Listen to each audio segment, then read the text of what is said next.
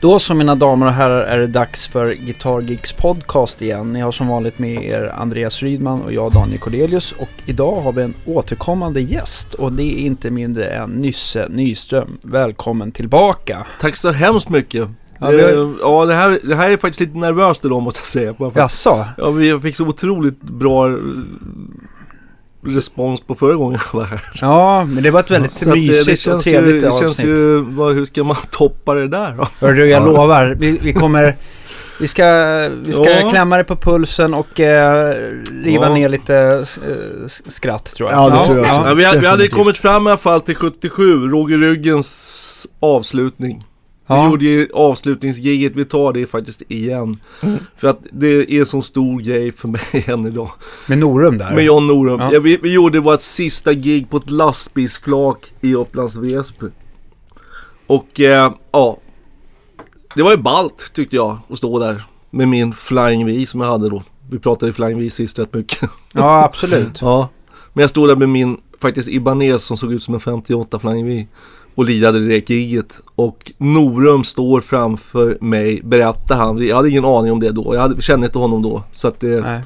men han berättade för mig, han stod framför mig och såg mig med Flying V och bestämde att jag ska bli rockstjärna, jag ska ha en Flying V. Och så kom han och köpte en Flying V utav mig veckan efter tror jag. Bra. Och det Stenhårt. där har han sagt till mig varje gång. Jag har en bild på det sista giget som faktiskt finns på min hemsida, väldigt liten bild. Men den bilden har jag på min affär som affisch. Och den affischen var faktiskt Agge som gjorde åt mig. Han jobbade på ett ställe som heter Proffs som gjorde De gjorde alltså affischer utav små bilder va. Mm, mm. Det var ett fotolabb som, som, som låg på, på, på, på någon tvärgata till Fleminggatan. Så det var faktiskt Agge som gjorde den affischen till mig och den affischen har jag kvar. Den har jag ju inramat på affären. Och det är så kul med den bilden för det är många som tror att, att det är Todd, Rung, Todd Rundgren på Ja, den bilden. Jag tycker man ser att det är du. Ja, Lite jo. annan frisyr och, Ja, precis. och hårfärg kanske. Ja, i alla fall. Men, men det blev i alla fall, vi, vi, jag, vi, vi pallade inte längre. Vi hade hållit på att kämpa med ny sångare och ny trummis. Trummisen var jättebra, sångaren var inte riktigt så bra som vi hade behövt. Och eh, det, var, det kändes inte så bra. alltså. Så, så att det, det var det absolut sista giget vi gjorde med, med Roger i ryggen. Sen var det sommar och vi spelade nästan sig så att det bara rann ut i sanden liksom. Men då hände ju det som man, det här som man, jag säger till alla att man ska vara på rätt ställe vid rätt tillfälle, träffa rätt person. Mm. Då kan allting hända. Och det gjorde det ju för mig. För att Dante då som jag berättade om förra programmet, Ja. ifrån plugget.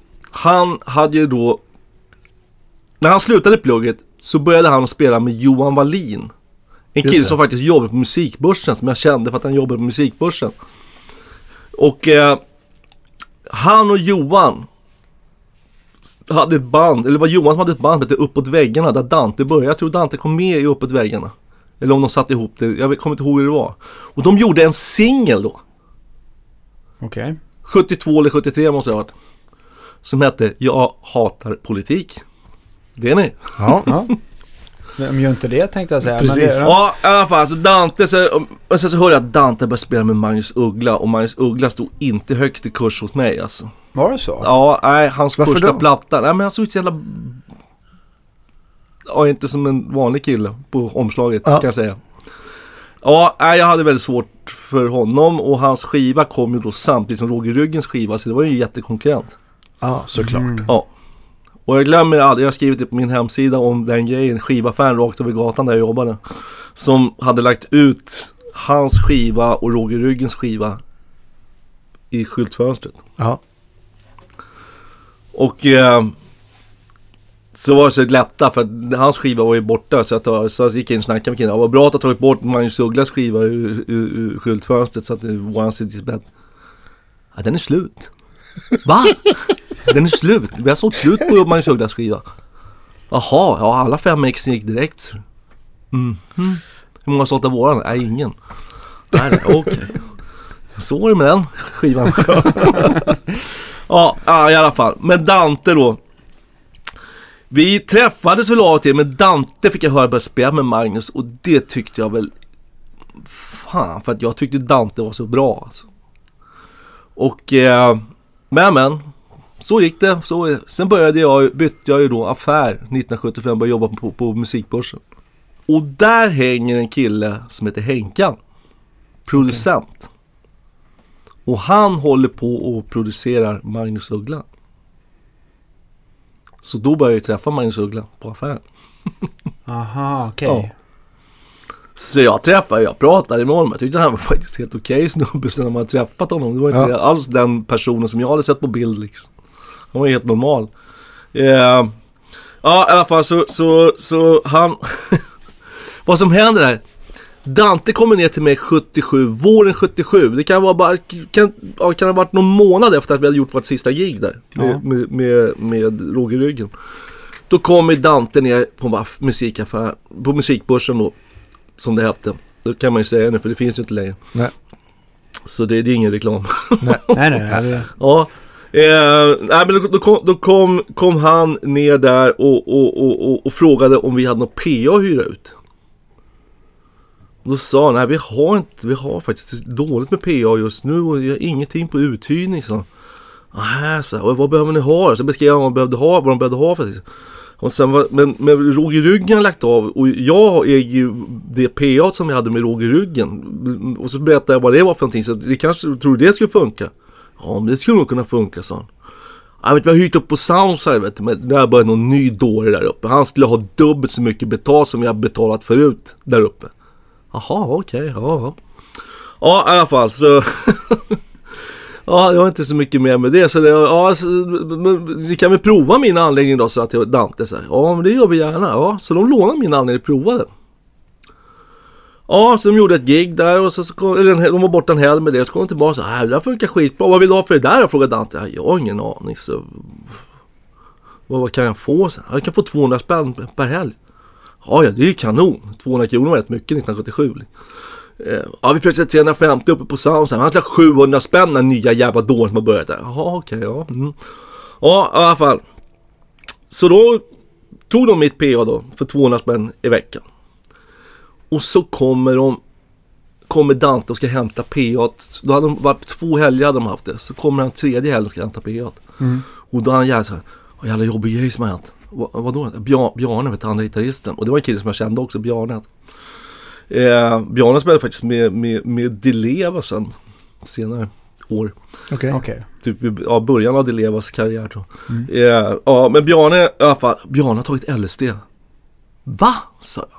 Det var ju fruktansvärt att höra en sån med en polare. Han har tagit LSD, han sitter på Beckis. På Beckis!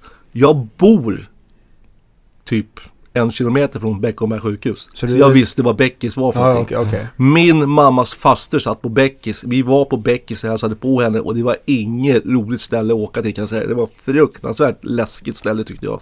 Men är det Och just där att du har satt psyk- Bjarne. sjuka då? En kille som- som jag kände sitter där för att han har tagit LSD och tittar in i väggen. Han sitter och tittar in i väggen sedan. Han har fastnat i något. Ja. Liksom. Ja. Men, men, men det är Och bara ta, Uggla ska inte ha mentalsjukhusen? knarkare i bandet.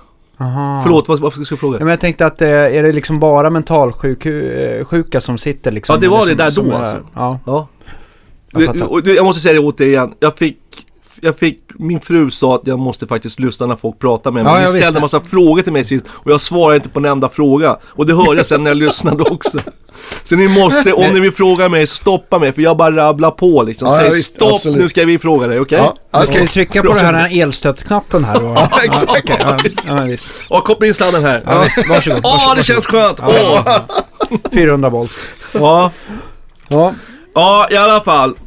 Och då frågade jag, vad ska ni göra då? då? Frågade Dante. Ah, jag vet inte vad ska jag göra, vad, vad, vad ska jag göra? Så, där, Nej, okej, så här för att ja, jag, jag har ju Roger Ryggen har lagt av så att jag har ingen att lira med nu så Ja, Jag vet inte om vi ska ha en ny gitarrist eller om vi kanske ska ha en saxofonist då, så det skulle vara lite cool att ha en saxofonist. Ja, ja, okej, så men ja, ja. Så åker de iväg. Och så kommer de tillbaks igen och lämnar tillbaks PA. Då säger Dante till mig. Du Nisse, ja, om vi får låna ditt PA gratis resten av sommaren, då får du vara med i bandet. Ja, Grymt ju. ja, grymt. Men på, då var ju inte Uggla någonting. Nej, okej. Han har gjort två skivor och det var ju floppar båda två. Det var de där fem exen i skivaffären som, som hade gått. Ja, precis. Ja. Nej, jag vet inte vad hans första plattor sålde då innan Varning på stan alltså, men... Grejen vad som hände i alla fall, det är att Dante säger som mig, ja... De kommer tillbaks då, så de, de, de har gjort, de lirat klart då i juni och så gjort något gig i jul och så säger han till mig så här, äh, nu drar jag till, nu drar, drar jag till Öl, Öland vet du, så att det... Jag är borta hela sommaren och ja, ja okej okej så ja. Vi, men jag kanske kommer förbi på Öland så jag, för jag, ska, jag, jag och min nya tjej ska ut och åka lite grann tänkte vi. Ja, ja, ja, gör det då, sa han. Ja. Eh, fast det vart ju ingenting. Eh, för nu gick jag händelserna i förväg. Det var faktiskt året därpå som jag och Eva slog och hälsade på honom, 78. Så vi backar nu, okej. Ja, okej. Ja, Dante åkte till Öland och jag åkte till landet. Och jag kom hem från landet. Då ringer Dante till mig i slutet på juli och säger Ja, ni ser, vi måste börja repa nu. Ja, okej, så, ja. så jag åker hem till Dante och vi börjar repa. Första augusti börjar vi repa. 23 augusti tror jag Varning på stan släpptes. Och då small det bara till. Ja, det kan man ju lugnt säga. Ja. Men innan dess då, då skulle vi börja repetera. Och jag har ju talat om för alla att jag är inte en bra gitarrist. Okej. Har jag sagt till alla. För att när jag kom på det när jag var 40 att jag är faktiskt en urusel jävla gitarrist. Jag kan ju bara säga, men jag kan inga ackord va. Aha, okej. Ja, fast några av de här killarna som lirade jazz då, de talade om för mig att jag måste lära mig jazz annars så blir det ingenting. Och då gjorde du tvärtom. Ja, men jag gjorde tvärtom. Men vi började i alla fall, han skulle lära mig låtarna då. Ja, ett F maj 7 där. Alltså. Ja, hur tar man det då? frågade jag. Kan du inte det? Nej, så. Och så visade han mig det var ju ganska simpelt. simpelt. Ja, så var det något nytt sånt där ackord som jag, kunde. Ja, så visade han mig det också. Ja.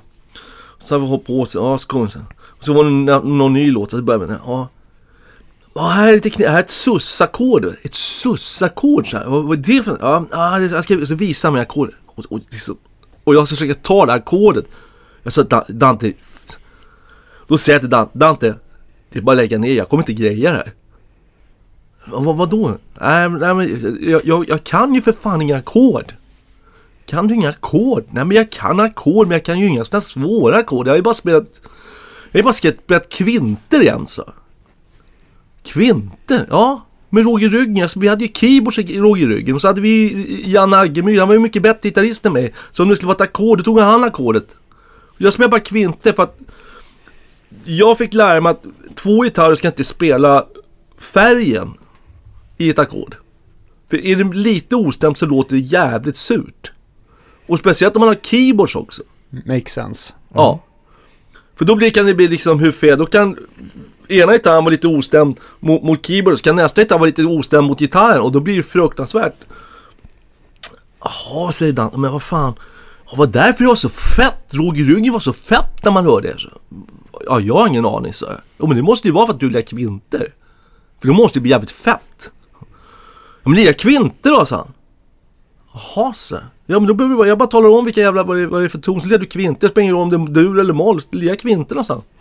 Ja, visst, så jag lirar kvinter. Perfekt. Ja. Och fett blev det. Och fett blev det. Fantastiskt. Och vi åkte turné, jag lirade kvinter. Ja. Det var några låtar som då Henkan visade hur jag skulle spela. Det var när man skulle plocka lite sådär liksom. Okej. Bland annat faktiskt på Varning på stan. Ja, just det. Och susackordet, det, det, det fick du Nej, spela. det, var, det, var ju bara, det var ju bara att glömma. Det var, alltså, grundtonen så körde jag kvint på den. Okej, okej. Perfekt. Ja. Underbar story. Men, Ja, och, men det där är, det är lite intressant där, för sen, sen bildade vi Strix Q liksom. Och vi hade ju keyboards hela tiden. Mm. Och Dante var ju så jävla mycket bättre än mig, tyckte jag. Så jag brydde mig aldrig om att lära mig några ackord. Utan jag fortsatte lira kvinter med Strix Q också. I fem år. ja. Perfekt. Men, det, men Ja. jag tänkte så här, det, ni, ni har ju... Du har ju berättat och jag har hört från andra också eran tid med, med Uggla och Strix Q. Det var Ja, men roligt alltså, den ni här- har haft ja, det. Ja, men alltså den där första, första turnén vi åkte, det var ju, det var ju då, så, så som jag berättade, så jag började repetera första augusti, va, tror Ja. jag. Och så gjorde jag två gig innan Varning på stan.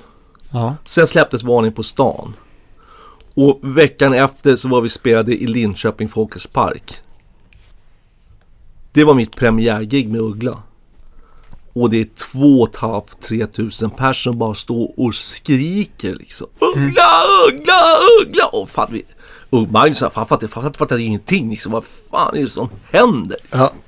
På en låt va. Den- den gick Ja. ju rakt upp etta på, på, på, på kvällstoppen och, och ja. På den vägen är det. På den vägen vart det va. jag, Nisse Nyström, jag var 20 år, hade knappt varit hemma från mamma och pappa kan jag säga. Okej. Jag hade inte varit, jag, jag har ju faktiskt förlorat alla mina vänner två gånger i mitt liv och det har varit faktiskt jävligt jobbigt båda gångerna. Första gången det var när jag var fyra år, då flyttade vi ifrån Vällingby till Norra Ängby.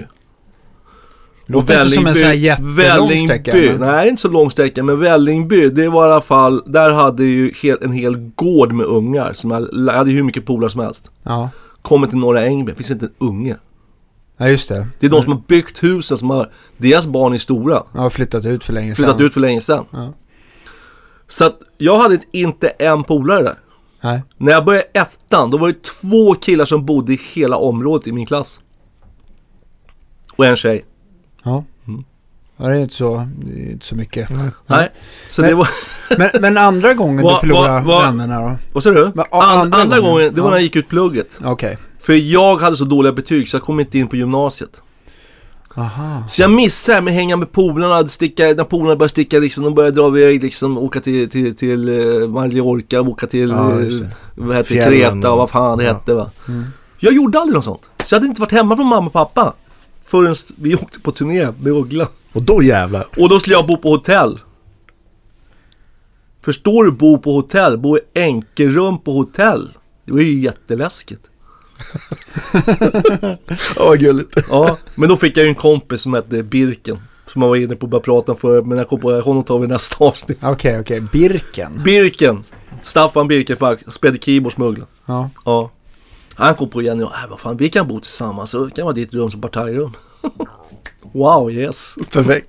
Och partaj blev Ja, det. ja i alla fall. Nej, men det var, han, han var fantastisk. Med, han var otroligt nice med mig då när jag var ny i bandet. Han, han, han, han eh, när vi, jag glömmer aldrig när vi kle- klev av scenen och gick in i logen i Göteborg. När vi letade i Göteborg med Uggla. Så kom vi in och så var det liksom fan är det här så att det satt utvikningsburar? Det är gropisar Nisse! Ikväll så blir det oh, oh, oh, oh. Okej. ja, och ja det var lite, lite, lite kul var det faktiskt. Och, Men då hade vi spelat på Domino i Stockholm Ja. på fredagen och så var det Göteborg på lördagen. Och eh, jag hade jobbat mycket med konserter i Sverige. Och då blivit polare med jävligt mycket tjejer som hängde på konserterna. Det var ju liksom gropisar fastän de som wannabe gropisar som var där och hängde. Och det var en tjej utav de tjejerna som jag var jättekär i. Och när vi hade lirat på, på Domino, då fick jag ju till det med henne. Åkte hem och det var jättekul att ha. Och sen när jag kom till, till, till, till, till, till när vi kom till Göteborg, eller till Göteborg då dagen efter. Då blev jag uppraggad av en tjej där. Och, och så, som, som säger, vem är det som är Nysse? Ja det är jag så. Ja vad bra, fick ta på det. Vi vi ska iväg på en fest. Jaha så. Släpper hon och kan, kan inte Staffan hänga? Nej jag ska bara ta med mig en liksom. Jaha okej, okay, jag hänger med henne då. Och vi hamnade inte på någon fest. Jag kom hem till henne och hon började liksom bara oh, kladda mig och började dra in mig. Och jag fick jag, bara, så jag bara knuffa bort henne, tog min jacka och drog, tog taxi tillbaks till hotellet. När jag kom vi till Sibby, fan gjorde du? Har du kommit tillbaka? Ja men hon, hon skulle inte mig på fest sa men hon, hon, hon släpper hem mig och började hon kladda på mig och säga, men fan du hade ju fått Ja jag vet så men det kanske jag hade fått men jag, nej Mycket kärlek. Ja, Ja. ja, nej, men den här tjejen i Stockholm, det var ju hon liksom. Så kom vi ner till Stockholm på onsdagen efter det. Och då var den här tjejen där som jag var kär i här i Stockholm. Mm. Hon snackade inte med mig. Jag fattar ingenting. Nähä. Ja, sen Ja. så gick det veckan, gick så var vi tillbaka i Göteborg och igen. Då kom den där tjejen tillbaka igen och raggade upp mig igen. Och då hängde jag ju på. Ja, ja. Så blev jag ju tillsammans med henne. I typ tre, fyra veckor. Tills jag fick reda på att hon var proffsgropig. Proffsgroupie. Ja. Ja. Jag Ja, fick, dagens d- d- ord. hennes polare kom hem, de sitter och tittar på bilder när hon står med, med, med eh, s- vad heter han gitarristen i Thin Lizzy? Scott Gorham. Ja. Ja. Så, och, och Phil Lynott på en bild och så hon hänger på Scott Gorham. Så, ha, känner hon det? Men snälla, hon är ju gropig. Jaha, är hon så? Ja, vad fan tror du är här för? Säger tjejerna till mig. Då gick jag och tog jackan igen och drog från henne. Åkte hem till Hon Stockholm. hade en typ, det var gitarrister alltså. Ja, Ja. då åkte jag hem till Stockholm. Mm. Och Scott Gorham såg jag faktiskt upp till. Sin Lizzie hade jag ju upptäckt bara något år tidigt, tidigare på...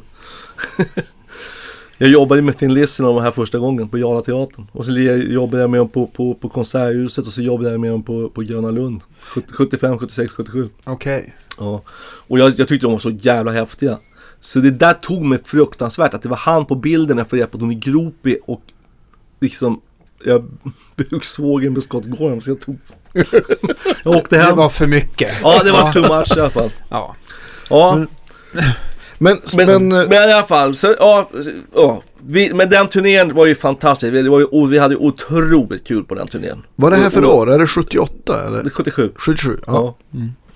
Och eh, vi avslutar turnén i, i Danmark. Det var vårt sista gig. På Dad's Dance Hall heter det. Mm. Och efter det giget så har vi, har vi då, har vi då eh, äter vi middag med skivbolaget. Mm. Johan Langer då som var, var hövding på, på CBS Records där. Då, ja. då så säger han till oss att grabbar, jag tycker att bandet är så bra så att vi vill signa er som band på CBS. Wow liksom. Jaha, ja, ni ska heta Strix, det blir skitbra tyckte de. Så, ja visst, okej, jaha. Och sen, alltså det tog ju bara en månad så var ju vi och provspelade i studion. Spelade in lite och testade liksom. Och det funkade ju jättebra. Mm. Och sen fick vi skivkontrakt med CBS. Det, det Men smakar, då fanns det en jobbig... gott. Ja, det fanns en grej där med Strix då. Att det fanns ett dansband som hette Strax. Aha, okej. Och de hade registrerat Strax. Så de slog ju ner då på Strix som band då. Vi fick inte heta det. Och då blev det Strix Q. Vem kom Ah. på den fina idén med Q där? Det vet inte någon. Nej. Vi har haft så mycket snack om vem det var som kom på det. Och det, de säger, "Ja, det var bara någon som sa Fan status quo, vi kan väl heta Strix Q? Ja. Ja. Ja, Varför inte? så så vart det. Det vart Strix Q. Och sen började ju Strix Q. Och det var ju, fan, vi gjorde ju vår första LP. Dante började skriva texter. Lite Uggla-inspirerade texter. Men han skrev bra texter. Alltså. Mm. Ja. Och jag tyckte det var bra. Han gjorde... vi gjorde ju covers. gjorde ju cover på uh, Turtles-låtarna som hette Happy Together. Så Just det. happy together. Fast vi sjöng Så fulla tillsammans. och det har blivit här klassiker för många. Fulla tillsammans. Och sen så gjorde vi Hem till Stockholm igen. Och där skrev Dante en fantastisk text om turnélivet. Och att vi, ja, vi kom hem, hem till Stockholm igen hette den. Alltså, otroligt ball låt. Och jag älskade Moves Blackberry Way. Det var ju Blackberry Way så, så, så, som vi utgick eller som vi gjorde cover på. Och det var en sån här låt som jag älskade och det var jag som föreslog att vi skulle göra den låten. Och så hängde alla på valsen och det var en kanonlåt. Och så kom Dante på men fan jag ska skriva en text och så skrev han hem till Stockholm igen och det blev ju jättebra. Men han skrev också Sluta tjata din jävla skata, det var en bra låt. Ja. Vilken titel. Grymt, jag får kolla upp. Sluta och tjata! Din jävla skata! Fan, det var kanon. Jag älskade den här plattan. Nej, jag, ty- jag tyckte den plattan var jättekul att spela in och, och ja. Men den sålde ju tyvärr inte speciellt bra. Vi fick en liten hit där med Hem till Stockholm igen. För Kai Kindvall var en kille som körde, körde program som heter Heta Högen en gång i veckan. Okej. Och han, den hamnade i Heta Högen i, i, i två eller tre veckor låg den i Heta Högen. Så det i alla fall var alltid något. Ja. ja. Men Jag, jag, eh, du har ju berättat en hel del eh, roliga anekdoter där om Strix Q, men jag, eh, jag vet inte om det är, om jag minns rätt här, men var det inte någon, någon, någon jävligt kul grej när ni var ute och åkte? Eh, Det- om någon det var, pizzasallad? det var kul grejer när vi var ute och åkte hela jävla Ja men såhär hyss, just med Ja, pizzasalladen hyss. Ja, jo, du pizzasalladen, Ja. det, det, kommer, vi, kommer vi ihåg. Fast då var jag inte med. Var du inte med? Okej, okej, okej. För att eh, det hände uppe i, i, i Östervåla. Okej. Och min svärfar bodde en mil därifrån. Så jag var hos min svärfar med min fru. Okej. Eller min flickvän var det på den tiden. Mm. Okej, så den, Ja. där, där, det har inte varit i real life där i alla fall? Nej, det Mm. var, jag, jag var inte med där. Jag, vi, vi, vi kan ju strunta i vad som hände här. För att jag tror inte att det är alla som kommer uppskatta. Ja, okej, okej. Ja, Vad men vad bra. Då, då, då går vi vidare. Ja. Eh, men jag, det, det, Ja, hände, det hände. My Ja. lips are sealed. Nej men, nej, men det, alltså Strix Q var ju kända för att vara ett jävla partajband och vi gjorde, så, vi gjorde otroligt mycket roliga grejer och massa sjuka prylar. Och moning, det älskade vi. Vi älskade ju att mona liksom. Ja.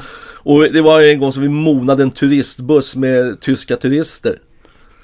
Och, och eh, så, så li- ligger vi och kör i, uppförsbacke och det var Tunalasse som körde bi, bilen då. Tu- Tuna var ju våran ch- chaffis Ja. och rodd, ljusrodde och höll, städade runt scenen hej och hå så. Ja, ja. ja, i alla fall. Och, och, och, och så säger Tuna så här. Fan nu kommer turistbussen på utsidan så här. Ja men gasa från den då. Äh varför då säger Tuna. Låt dem passera. Så kan vi mona dem igen säger han. Så han låter dem åka. Så när turistbussen kommer och kör förbi oss. Då ser vi alla pensionärer stå med kameran så här och ska plåta oss. Och då var det ingen som mona.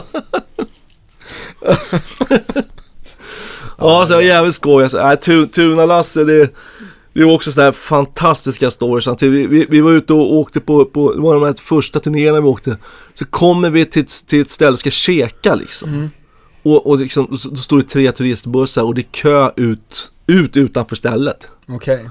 Och alla, vad fan gör vi nu då? Här är lugnt säger Tuna. Då hade Tuna med sig en megafon. Så han började skrika Hallå resenär! Han tittade och stod på bussarna. Resenärerna med och så räknade han upp vad de hette de här olika bolagen då. Måste omedelbart gå tillbaks till bussarna. Vi måste, vi måste resa tillbaks ögonblickligen. Det blir världens kaos liksom. Alla bara alla bara strömmar ut från resten och bort mot bussarna och vi springer in och beställer och får vår mat. Och sticker ut i bussen och käkar så drar vi. Och det är sånt kaos där så att det finns inte... Ja, det var ju... Ett av, alltså det, det, det, det finns så otroligt mycket. Sen så har vi ju liksom CBS. Vi älskade ju att gå upp och, och CBS. Det var så mycket folk som vi tyckte var lite halvdryga där uppe. Ja, som vi var tvungna. Så att det, de hade julfest varje år där. Stix Q's, den här Capital City-plattan, den sålde ju väldigt bra 1980. Och julen 80, då klippte Dante av slipsen på försäljningschefen och stoppade den i hans... För att han tyckte han var så jävla dryg. Hans ficka i Ja, han tyckte han var så jävla dryg. Ja. Ja, så att... Vår nästa platta sålde 4000 tror jag. Det var inte samma satsning och muskler Nej, det var liksom Nej, lite, nej. lite, lite sådär så att det... Men, men det var, ja, nej men det... Det var, det var väldigt mycket kul grejer som hän- hände med, med, med det bandet. Jag, jag, eh, Ja, det känns vi- som att det är alldeles för mycket barnförbjudet här. Julen 81 Ja. tror jag. Då, då, då kom vi på det för att alla som jobbade på CBS, de hade sina artister va, som Mm. de jobbade med. Typ Ertman hade ju AM Records liksom. Just Alltså, Europes kill, Ja, Europes det, ja. manager sen. Han hade AM Records, då hade han ju sina artister på AM och sen hade någon som hette Epic, då hade han sina Epic-artister så med dekar på. Kom på, fan vi flyttade till dörrar. och det var jag och trummisen i, i, eh, i eh, Horisont som kom på den geniala idén. Och vi började flytta dörrar. Och vi flyttade liksom inte Svennes dörr mot Perres dörr utan det var Svennes dörr satte vi på Marias plats och Marias dörr satte vi på Perres plats. Och så, vi liksom, det var, Var, ja. Mayhem. och så slog vi igen dörrarna liksom. Så att de låses va. Så att när de kom tillbaks sen efter då julhelgen och skulle börja jobba.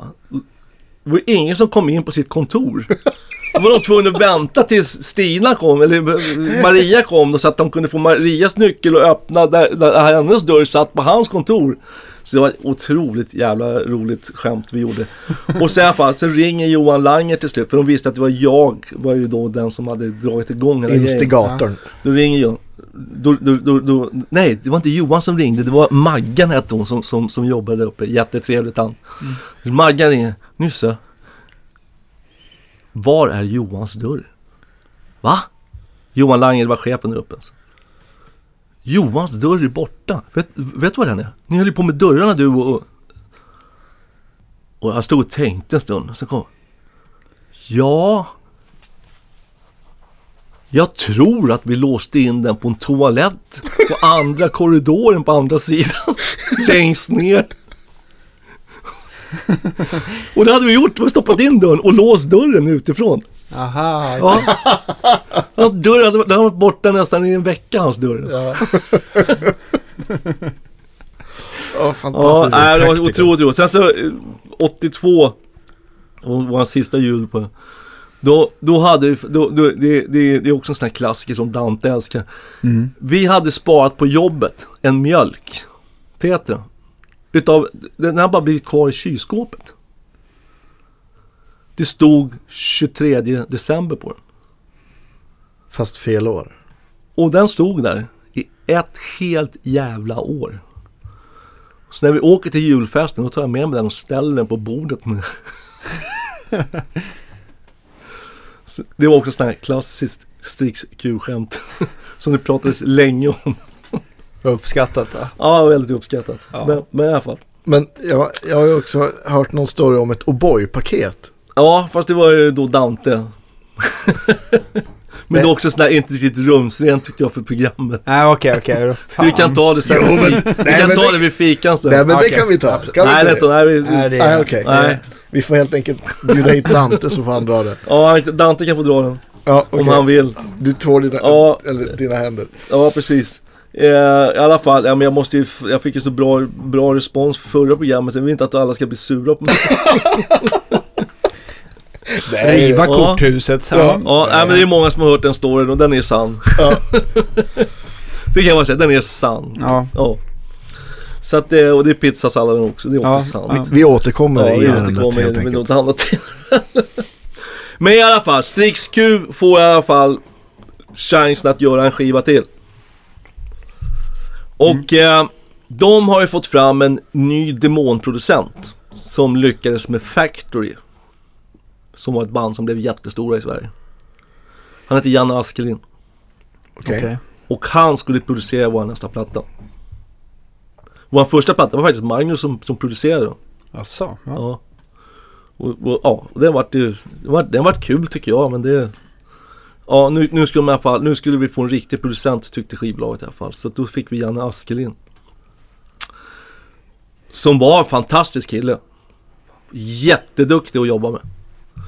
Eh, och vi gick in i studion och, och vi hade ju liksom jamma ihop. Vi var ju såhär bara, vi i, lirade, vi jammade. Det var jävligt mycket jam. Så vi, vi gick in och spelade in låtar som vi tyckte var låtar då så här, men ja, var inte riktigt klara. Men det, Askren var grym. Han gjorde klart låtar. Han fick klart, alltså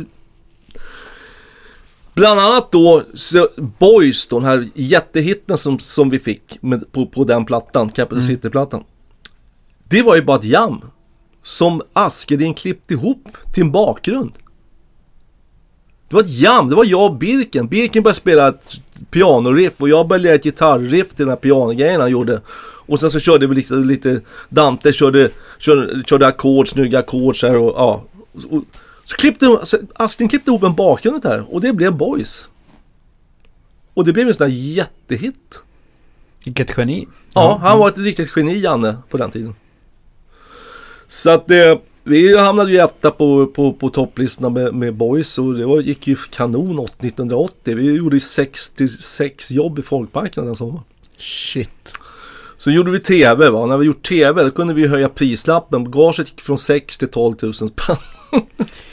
Ja, det går väl inte, går det riktigt att översätta hur mycket pengar det var i da, dagens... Jag vet inte alltså, men jag kände, jag hade då, då, då väntade jag och, och, och, och, och min, min fästmö som hon var då, min fru idag. Eva, vi väntade vårt första barn Mm. och bodde i en etta i Kristineberg.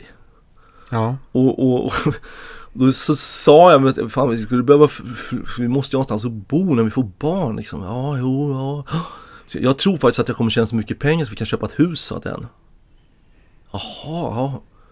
Och, och då var det ju Norra Ängby där jag hade vuxit upp. Det var ju, ja, där jag ville bo och det ville ju hon också. För det var nära, hon kom ju från Riksby, det var inte så långt från, från henne precis. heller. Så att det, ja. Så så blev det. Jag drog ihop kontantinsatsen. Hon hade pengar som hon hade fått av sin pappa. Hon hade, hon hade 15 000 som hon hade fått av sin pappa och jag drog ihop 60 lax den sommaren. För jag hade satt som mål, jag skulle ha över 1000 spänn efter varje gig. För jag hade fixat jämkning och sådär liksom. Mm. Och, och så jag skulle jag räknade ut, om jag, om jag kunde leva på 140 kronor, för jag fick ut 1140 spänn var, efter varje gig. Grejen var att Stix Q var väldigt, vi ägde PA, vi ägde bussen, vi ägde liksom allting. Så vi hade en jävla ekonomi tidigt alltså. Och låga kostnader. Ja. Mm. Så att det... Ja, alltså vårt PA, grunden till vårt PA, det var ju mitt PA som, som hade byggt, bytt till och fixat och sen hade vi köpt massa extra grejer till, till Mm. och sådär. Och du hade väl också nytta av att jobba på, på börsen också Ja, och liksom ja, få Jo, billigare jo, men priser ja, och alltså, sådär. Jerker, Jerker och min chef Jerker Antoni. Ja. Alltså han var ju så otroligt snäll. Alltså. Jag fick ju köpa allting för hans netto. Alltså. Fantastiskt. Ja, och han hade ju agenturen för Electro Voice. Vet du. Vi köpte alltså 15 tums Electro Voice högtalare som kostade 12-1300 spänn ute i kund. Vi gav 400 spänn styck för. Och så fixade han PA-lådor. Han hade någon kontakt i England som byggde PA-lådor. Så vi beställde vad vi ville ha för PA-lådor. Så stoppade vi i de högtalare och sånt vi ville ha i grejerna liksom. Så det var helt fantastiskt. Så vi, så vi körde i 45, 45, 30, 45, 60. Det var sådana här Altec-lådor till det då. Landsinglådor. Så de hette 4530 till basen, 4560 det var ett hornlåda och sen var det horn ovanpå då sådär.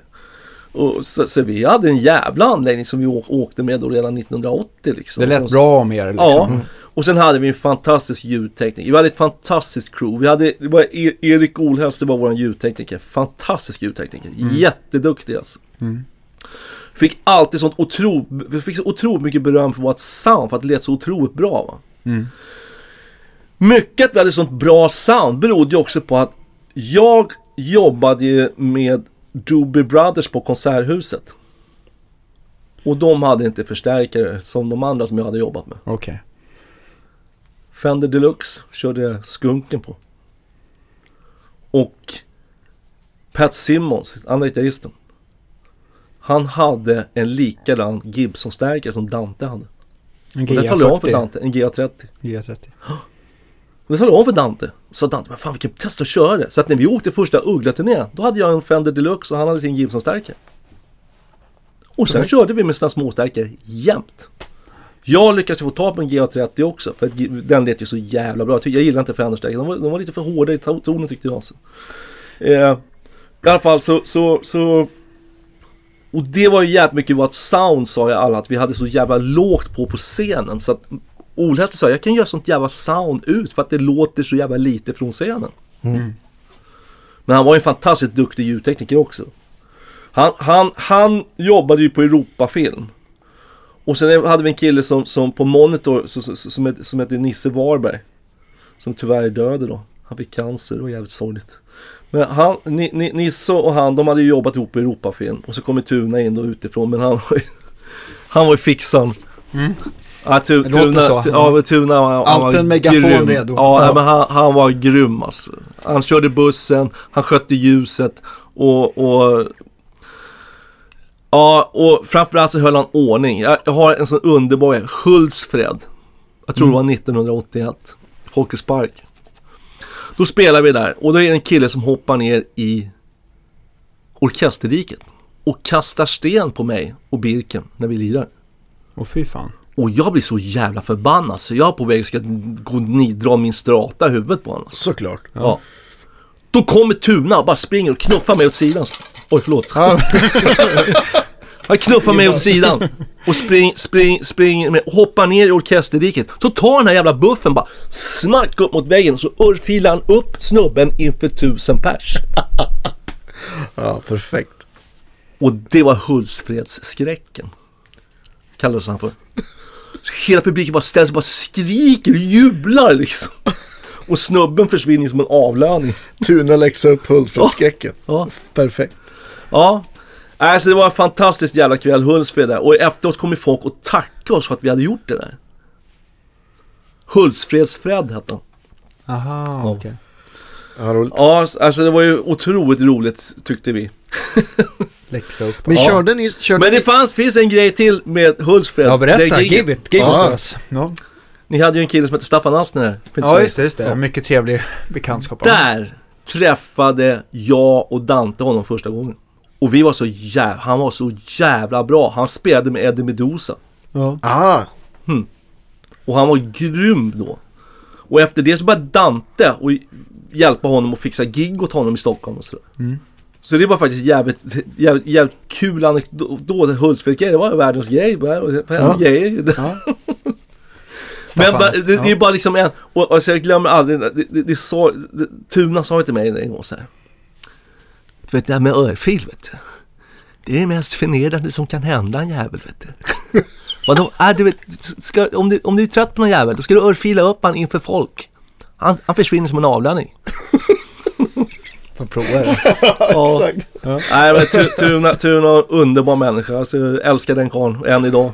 Han verkar vara liksom en eh, facit på hur en bra eh, turnéledare ska vara. Ja, ja men han Ja. var en riktigt, riktigt grym turnéledare. Ja.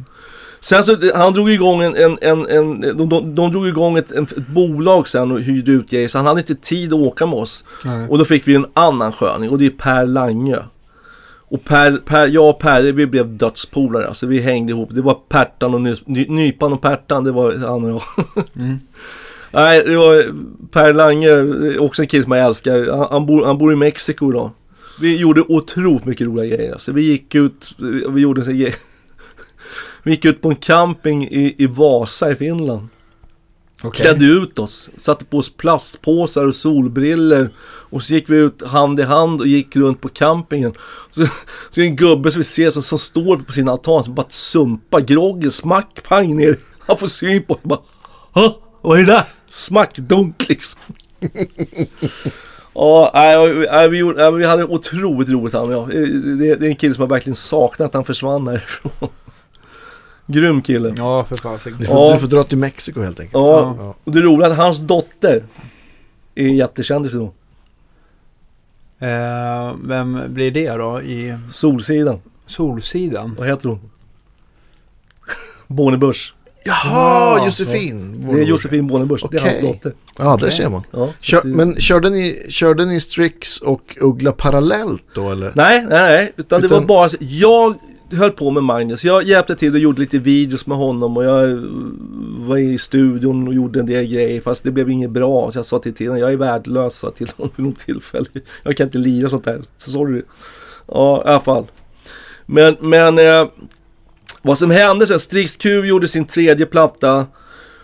Eller den här plattan då, jag ska prata, prata klart om Capital City. Det var en, som Askerin producerade då. Det var, det var en otroligt häftig platta. Alltså. Jag menar, Askerin tar en Telecaster och börjar lira ett groove liksom så här bara. Det här, så här tycker jag, och så börjar han lira det här groovet liksom. Och, och alla hänger på och börjar lira liksom. Och, och då var jag uppe på toaletten och någonting, så kommer jag ner och då sitter han och lirar som fan. Ja, då, då, då, då ler man. "Nej, men Lägg av igen. Nysse, kom ut och lira här nu. Jag ska visa dig. Lira där du. Du gör det mycket bättre än vad jag gör. Jag kan inte spela sån där jättebra gitarr som du kan, sa åt honom. Lira nu. Vi spelar in där. Vi du lirar gitarr. Ja, okej. Ja, då gjorde vi en låt som hette Nattfjärdet där. Så, så, Ah. och, och, nej, det var ju skit. Det var jävligt häftigt hur, hur vi jobbade fram saker och ting och hur, hur saker och ting bara föll på plats liksom.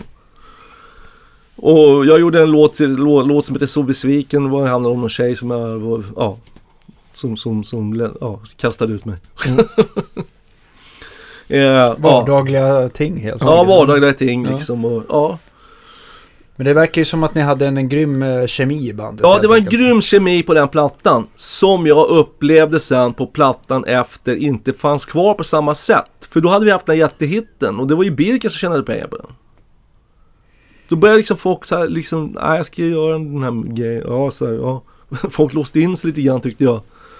Bara göra egna grejer? Ja, Dante och jag jobbade ihop fortfarande liksom och sådär men det, känns ju som att de, ja, men, men vi gjorde den här plattan den hette La La La men den blev inte i närheten så bra.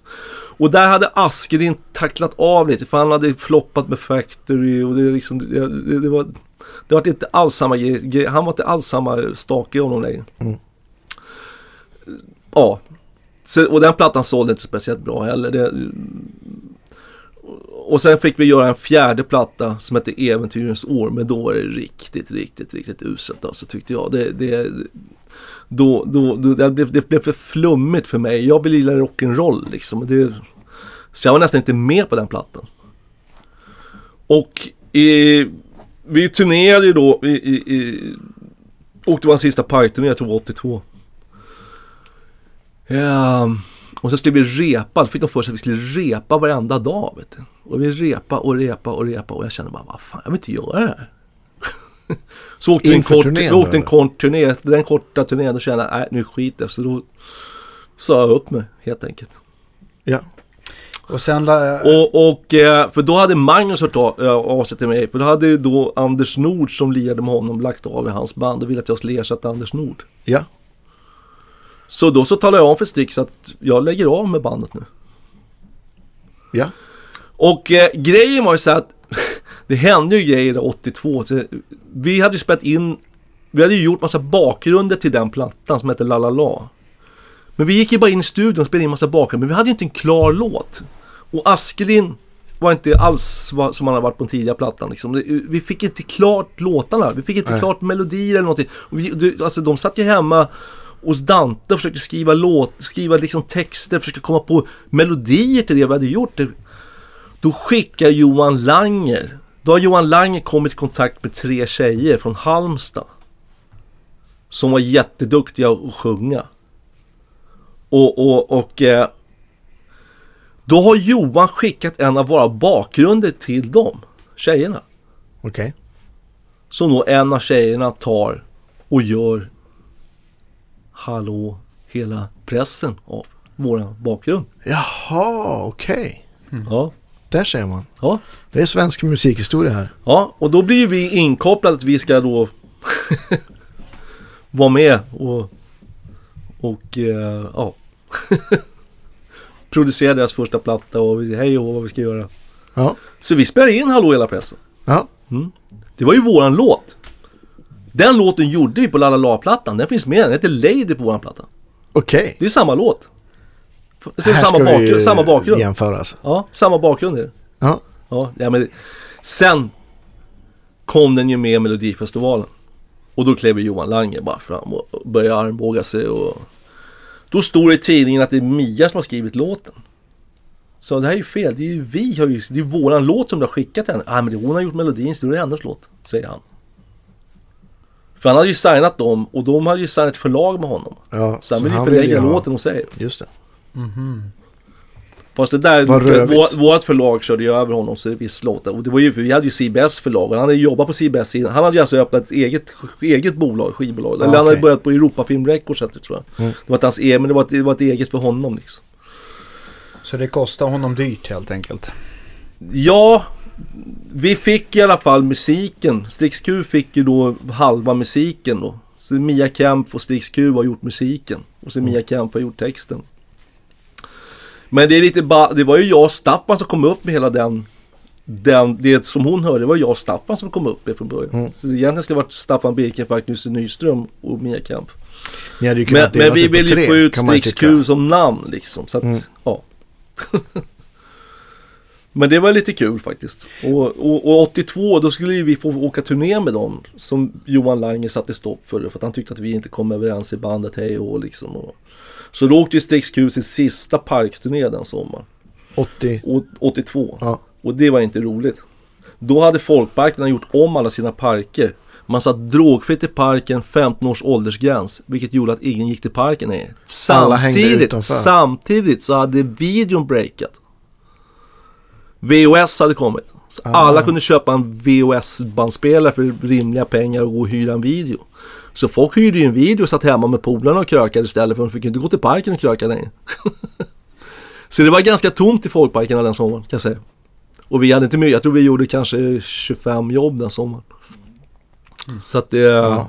Så, sommar, sommar, ja, sommaren 80 gjorde vi 66 jobb och sommaren 81 gjorde vi nästan 50 gig tror jag. I parken. Mm. Och det måste jag säga, det var ju fantastiskt att få uppleva folkparkerna. Ja, det måste ju vara häftigt alltså. Ja. För att det var ju slutklämmen på folkparkerna. Jag menar, Det var ju alltså, det sådana stories som man har hört om folkparkerna. Jag tycker det är skithäftigt att läsa sådana gamla böcker här om Tages och Hepstars när de åkte Ja, i parkerna. Liksom. Det, fanns ju, det hur mycket parker som helst. Ja, ja visst. Och de gjorde hur många gig som helst dag Ja, också. ja visst. Nej, så det var ju jättekul alltså. Ja, men i alla fall. Eh, Var det liksom åt- åt- döden för bandet då? Att det bara upplöste sig sen när du hoppade av eller? När jag, när jag, jag, ja, vi hade repat alltså igen då. Efter att vi hade kommit hem från den där turnén som vi åkte som inte gick speciellt bra heller liksom. Och, och jag kände bara, det här vill inte jag göra när vi börjar spela med Uggla istället. Så då, jag sa, jag ska börja spela med Uggla, jag säger upp mig. Och då, så, då sa jag bara alla direkt så här, då skiter vi Så då la, då la vi ner bandet. Mm.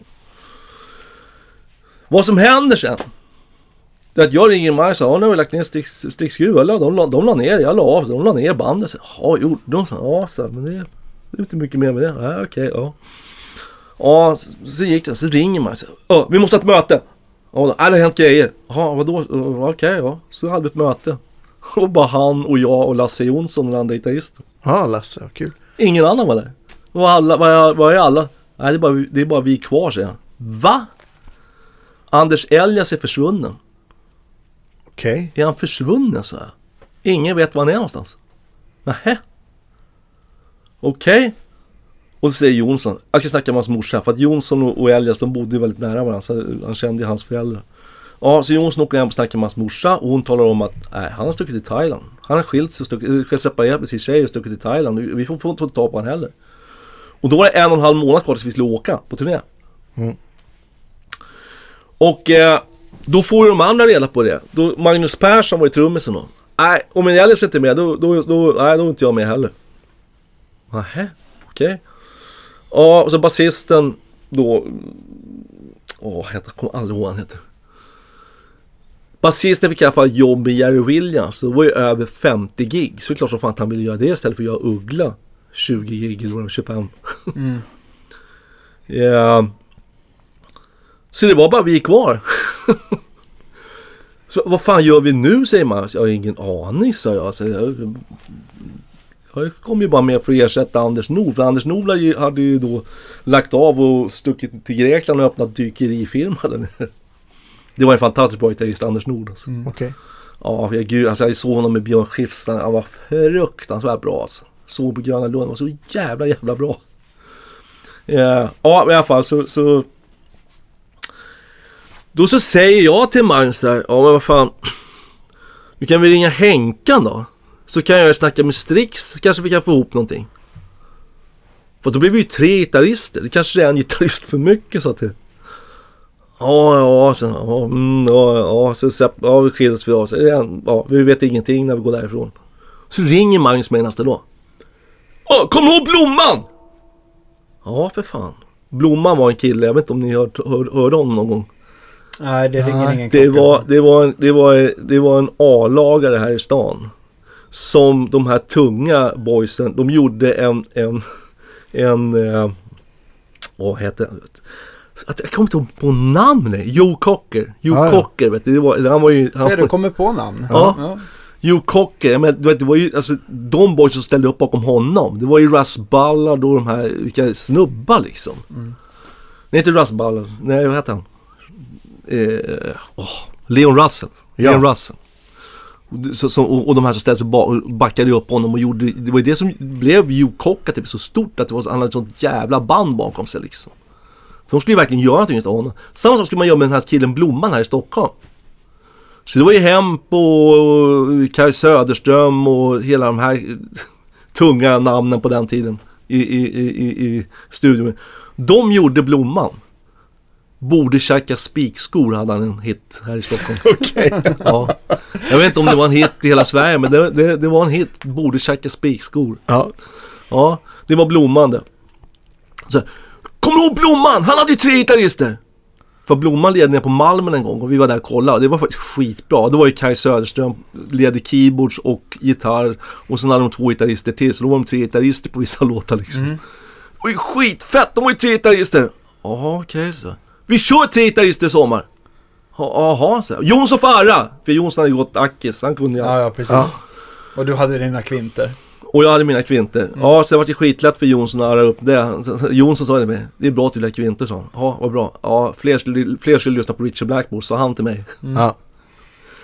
Ja, och då var man ju ner på single note när det var tre gitarrister. Jaha, okej. Ja, då var det single note på vissa låtar. Fan vad skönt. Ja, nej, det var faktiskt, ja, men det var ett fantastiskt band. Den turnén 83. Det, det, det, det var helt makalöst. Alltså det, Kanske man kan hitta på YouTube. Nej, kan man inte göra så. Kan man inte? Nej, det fanns inte på den tiden. Ja, men någon måste väl ha filmat. YouTube? Vad sa du? Fanns inte YouTube då? Nej, YouTube Det kom fanns väl faktiskt 81, inte. Det fanns inte, det fanns inte ens en, knappt en dator på den tiden. Eh, Säger du? Men du, 83, du nämnde någonting innan Ja. här om scenkläderna. Jo, det jo. måste du ta nu då i nej, men det, det, nu, nu, det är sommarturnén 83. Okej, Jaha, okej. ja. jag förstår. Vi, ska, vi, vi åker i alla fall den här turnén med Magnus och det är, alltså, det är sån jävla dundersucke. Då har han ju gjort den här skivan som, som hette, det kom ju 1980, Ljusnande framtid i vår. Mm. Med trendigt de här låtarna på. Och den blev ju rätt, den sålde rätt bra va. För att hans, alltså vanligt på stan-plattan sålde ju, det var ju, det var ju makalös försäljning på den plattan. Jag vet inte vad de sålde, 130-140 000. Det var fruktansvärda. Men, men Wittingars platta som kom efter, det var, det var en flopp alltså. Jaha, Ja. det tycker jag är bättre. om Ja, men det liksom- folk vet ju inte det idag va. För att han är så stor idag. Mm. Men det var, det var, Witting var en flopp då på sin Okej. tid. Och, och, eh, och sen gjorde han den här Ljusande framtiden i vår som Anders Elias producerade. Fantastiskt bra platta tycker jag. Och det var därför han skulle vara med på turnén då också. eller? Ja, ja, ja, jo, men de hade ju åkt turné alltså. De hade ju Aha, lirat okej, från ja, ja. 1980 fram till å- å- 82 och 83 och sen skulle de åka på turné igen 83 och då hoppade Anders Nord av och det var då som Magnus ville ha med mig i bandet. Men så Just det. försvann Elias. Va? Mm. Ja, och, och det fick ju sen. Men det...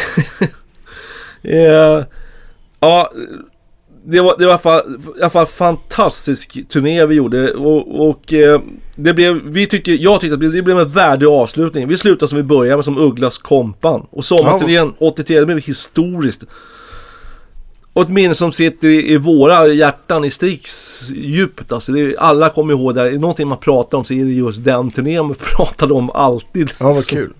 Ja, och, och Magnus brukar säga att det är roligaste turnén han har åkt någonsin liksom. Ja, det var en otroligt kul turné och, och, och vad, vad- som händer sen det är att vi kommer hem och eh, det ska bli höstturné. Och då så säger Magnus att, att eh, ja, Jonsson får sätta ihop ett nytt band till hösten. Jaha, så. Fast du ska vara med och Birke ska vara med.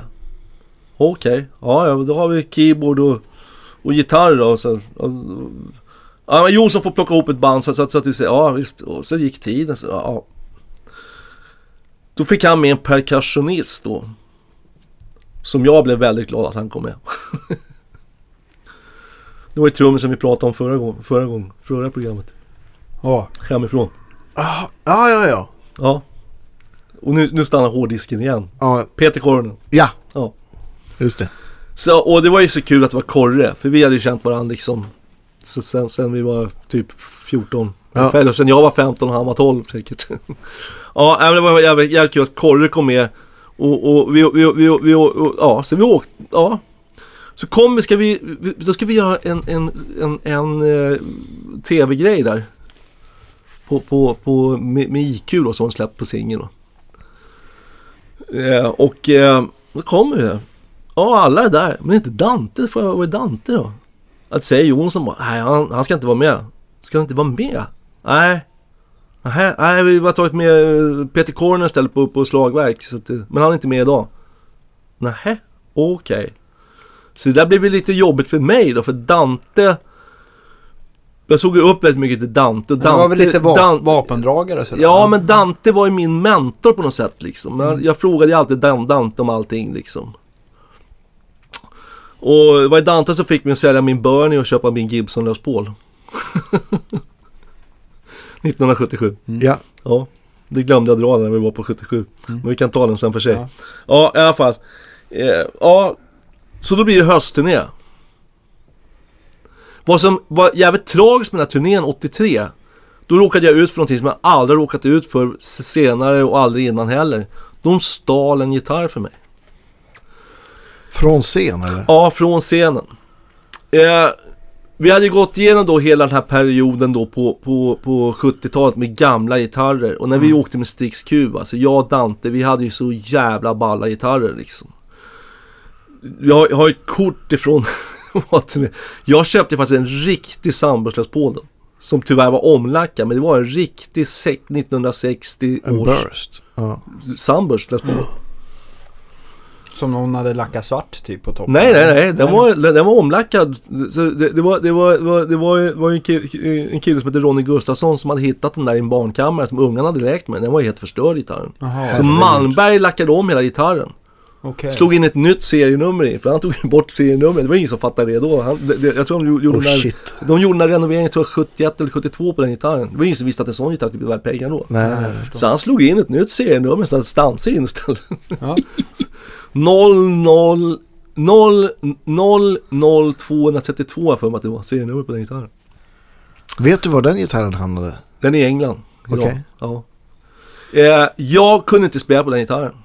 Den var, det, var, det var en tidig 60 som hade 59ans hals. Jaha, så den var Okej. lite för fet för det? Jättetjock hals. Ja. Jag fick ont i handen utav halsen. Okej. Men jag, det var, alltså det var så vansinnigt flammig den här jävla- Det var sån jävla flum, flammig topp på den gitarren. Det var det är bland det flammigaste Les Paul jag har sett någonsin alltså. Det var så otroligt snygg gitarr. Och det var jag, jag var lost in the flames. Mm. Den gitarren lärde mig någonting. Att? Har man någonting som man är jävligt, trivs jävligt bra med. Byt inte bort det. Därför har jag och Eva levt ihop i 38 år. Mm. Bra. Fint sagt. Ja, mycket fint. Ja, då lärde jag mig att man ska inte byta tjej. Har man en bra tjej då ska man behålla henne. Ja. Ja, ja i alla fall. Word. Puss Ja, Eva. word. Ja, absolut. Det, det ska vi hålla efter. nu. Ja. Ja. Jo, nej men i alla fall. Eh, då har vi backat i gitarr, gitarrvärlden. Ja, men det är roligt med nej, men vi, gitarrer. vi, Ja. vi körde det. Vi, vi, kör, vi, körde, vi körde de där gitarrerna. Alltså, då hade jag en 63 Gibson Firebird. Mm. 5. Yeah. Och det är har två gjort mickar. 700 exemplar av den gitarren totalt. En sån hade jag. Mm. Så hade jag Gibson Les Paul Sunburst 1960. Så hade jag min Sunburst Les Paul 68. Så hade jag en 56 Strata. Mm. Och så hade jag en dubbelhalsad. Fast det var ingen Gibson men det var en dubbelhalsad. Så det var en jävligt cool backline jag hade. Hyfsad Dante körde med 55 Les Paul, 68 Les Paul och 56 Strata. Vad som hände då när vi hade gjort Capital City-plattan. Om vi backar tillbaka till Capital City igen. Mm. Vi åkte en turné som CBS sponsrade. Med Horisont. Jag vet inte om ni vet vilka Horisont var. Absolut. De hade en sångare, helt okänd sångare som hette Tommy Nilsson. Chefen för mig då. Och en ganska okänd gitarrist i... Förutom då alla gitarrister i Stockholm som var i alla snackar. Kommer kille från Norrland. Han lägger skjortan till alla i den här stan. Jonas Isaksson. Jonas Isaksson. Ja, visst. Jag glömmer aldrig Kent Kron när han hade hört Jonas Isaksson första gången. Han var helt förstummad. Sa, det är bara bästa, bästa, bästa jag har hört som. Och Kent Kron såg alla, så vi som lirade väldigt upp till här i stan. Han var jävligt okej. duktig liksom. Om han När säger han så, säger då... att någon är bra, då är han jävligt bra alltså. Men var inte Horisont förband Isaksson. till er också? Men vi åkte då turné. De var förband till Sticks Q. Och det var ju pinsamt va. Där står jag och har min uppsättning Gibson Firebird, Gibson Les Paul, Gibson Les Paul, 56 Strata, en dubbelhalsad, sin... och så går Jonas upp med, Med sin, sin Washburn Washburn. och lirar skjortan av oss alltså. Ja. Han lirar ju brallorna av oss alltså. Vi måste ta hit Jonas också. Ja, Ja men jo. Jonas är oerhört. Jag, Ja. jag älskar honom alltså. Alltså du vet när, när han lirade med Roxette. Jag kunde sitta bredvid och bara lyssna på hans gitarrlir. Ja, men Jag visst. älskade att höra honom lira gitarr. Jonas sa, du är inte klok, sitt där och ly- Jag sitter och lyssnar vad du gör, okej? Ja, men det Skulle var... jag ligga framför stärkan typ? Ja, ja. Jag skulle, så, så, jag skulle ligga till Sitta ett gig framför din stärkare. Ja. Nej, En liten lir- dörr in i hans han lir- 412. Han lirar så fantastisk gitarr. Ja, ja, jo, fruktansvärt bra gitarrist. alltså. Ja, det, det har jag ett sånt minne av. Ja, Jag- men jag- i alla fall, Jonas lärde mig hur Van Halen, det här med tapping. Ah. Jag hade ingen aning om vad det var för det var Jonas som visade mig. Det var ju så här han lirar vet du. Jaha. Ja. För hur fan lirar du så här snabbt så? Ja men det är tapping. Vadå ta Då visade han mig på hotellrummet han gjorde liksom. Wow! Alltså Jonas var, Jonas var ett skönt uppslagsverk tycker jag. Då hade du, då hade du kvinter och Ja. tapping i. Ja, men vad jag ska komma till det, var ju då turnén då 83. Jag hade ju faktiskt då börjat spela på BC Rich-gitarrer. Ah. Ja. Och fick spons. För att Busy Rich började göra gitarrer i, i Japan. Som heter NG Series. Jag fick ju spons på de här NG Series gitarrerna ifrån svenska generalagenten. Men då hade jag ju liksom, då hade jag en Mockingbird, hette gitarren. de är skitcoola. Är det typ Slash... Jävligt- eh, Jajamän. Ja. Ja, precis. Men jag hade en sån som jag bara, jag har bara sett den. Jag har letat som fan på nätet efter en likadan. Jag har inte sett någon likadan. Jag hade en sån med en mick på. Och upp och nervänt huvud, som en Firebird såg ut. Okej. Ja, just det, just det. Som då våran hjälte som tyvärr gick ur tiden innan jul, Björn Ur, Ja. hjälpte mig med ett Floyd Rose till. Det var mitt första Floyd Rose på den gitarren. Den gitarren lirade hela turnén 83, sommarturnén 83. S- Och det var några killar som hängde på oss och hjälpte roddarna liksom. Det var ju ofta det hände så att, de-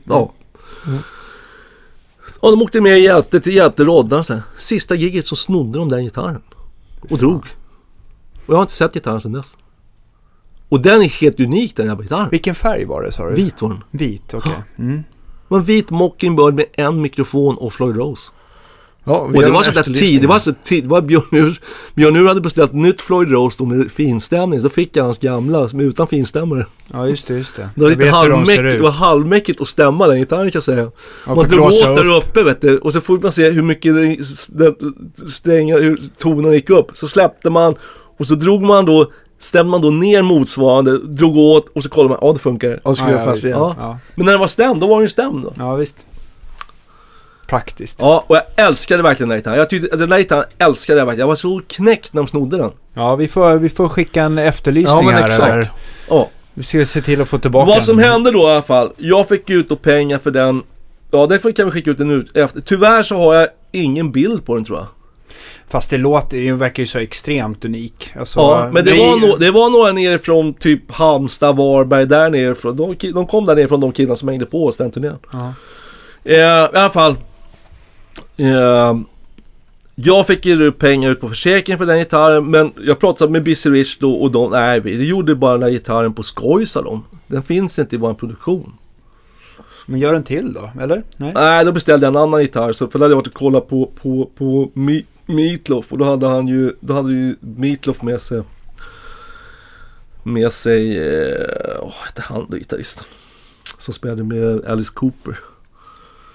De, var- de var två gitarrister som lirade med Alice Cooper på, vad heter de? Spiders from Mars, eller vad fan de hette.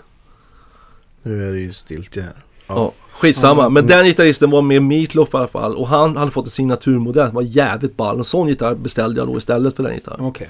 Men samtidigt köpte jag en gitarr utav Roger Pincott. En Dean-gitarr. Mm. Som var lackad som en zebra. Dean Explorer. Och den hade Kaler svaj. Ah, Så den gitarren hade jag då höstturnén 83 och lirade på hela turnén och tyckte det var Kaler tyckte det var kanon. Ja, man, Så jag fräste upp min jävla Busy Rich som jag hade kvar. Jag hade en Busy Rich Eagle-gitarr som var min, det var min main gitarr liksom. Fräste upp den, satte på Kaler på den. Det var ju coolt som fan tyckte jag. eh, vad- Tills jag kom till studion och skulle lira in. Men det kommer vi senare till. Ja, men jag tänkte bara snabbt... Men jag ska bara be- berätta eh, klart där om, Men- om, om, om, om, om 83, eller, ja. Eh, min mamma Ja, var grym på att sy. kläder. Hon sydde mina jeans som jag hade varenda dag i plugget. För jag ville ha tajta jeans hon utsvängda. Hon gjorde Ja. precis som jag ville ha dem. Mm. Sen började hon göra scenkläder till mig. Och det gjorde hon innan jag stod på... Jag, jag var med i Rå- råg i ryggen. Då gjorde hon mina scenkläder jag hade med råg i ryggen. Och hon gjorde massa andra ja, grejer åt mig då. Och, och även åt Agge då. För att Agge fick trassel hemma så han blev ju min fosterbrorsa. Han flyttade ju hem till mina föräldrar. Mm. Då blev, vi, då blev han min fosterbrorsa, så vi kallar honom för brorsan, brorsorna liksom. Mm. Ja, fast han har ju en riktig brorsa också. Men jag tyckte det var kul att få en brorsa för jag hade bara två syrror. Mm. Ja. Nej men så mamma sydde mycket grejer till honom också. Men till den här turnén 83. Då fick jag tag på zebrarandigt tyg. Så mamma gjorde en zebrakostym åt mig. Zebra-gitarr och zebra-kostym. Ja. Det har jag på LP. Jag gjorde en LP 84. Just det. Det, det har det på LPn. Har jag det på mig. Det är fruktansvärt. Hon, är gjorde även, hon, hårt. gjorde, hon klädde en mössa i zebra. Hon gjorde kortbrallor i zebra. Hon gjorde ett linne i zebra. Klädde skorna med zebratyg.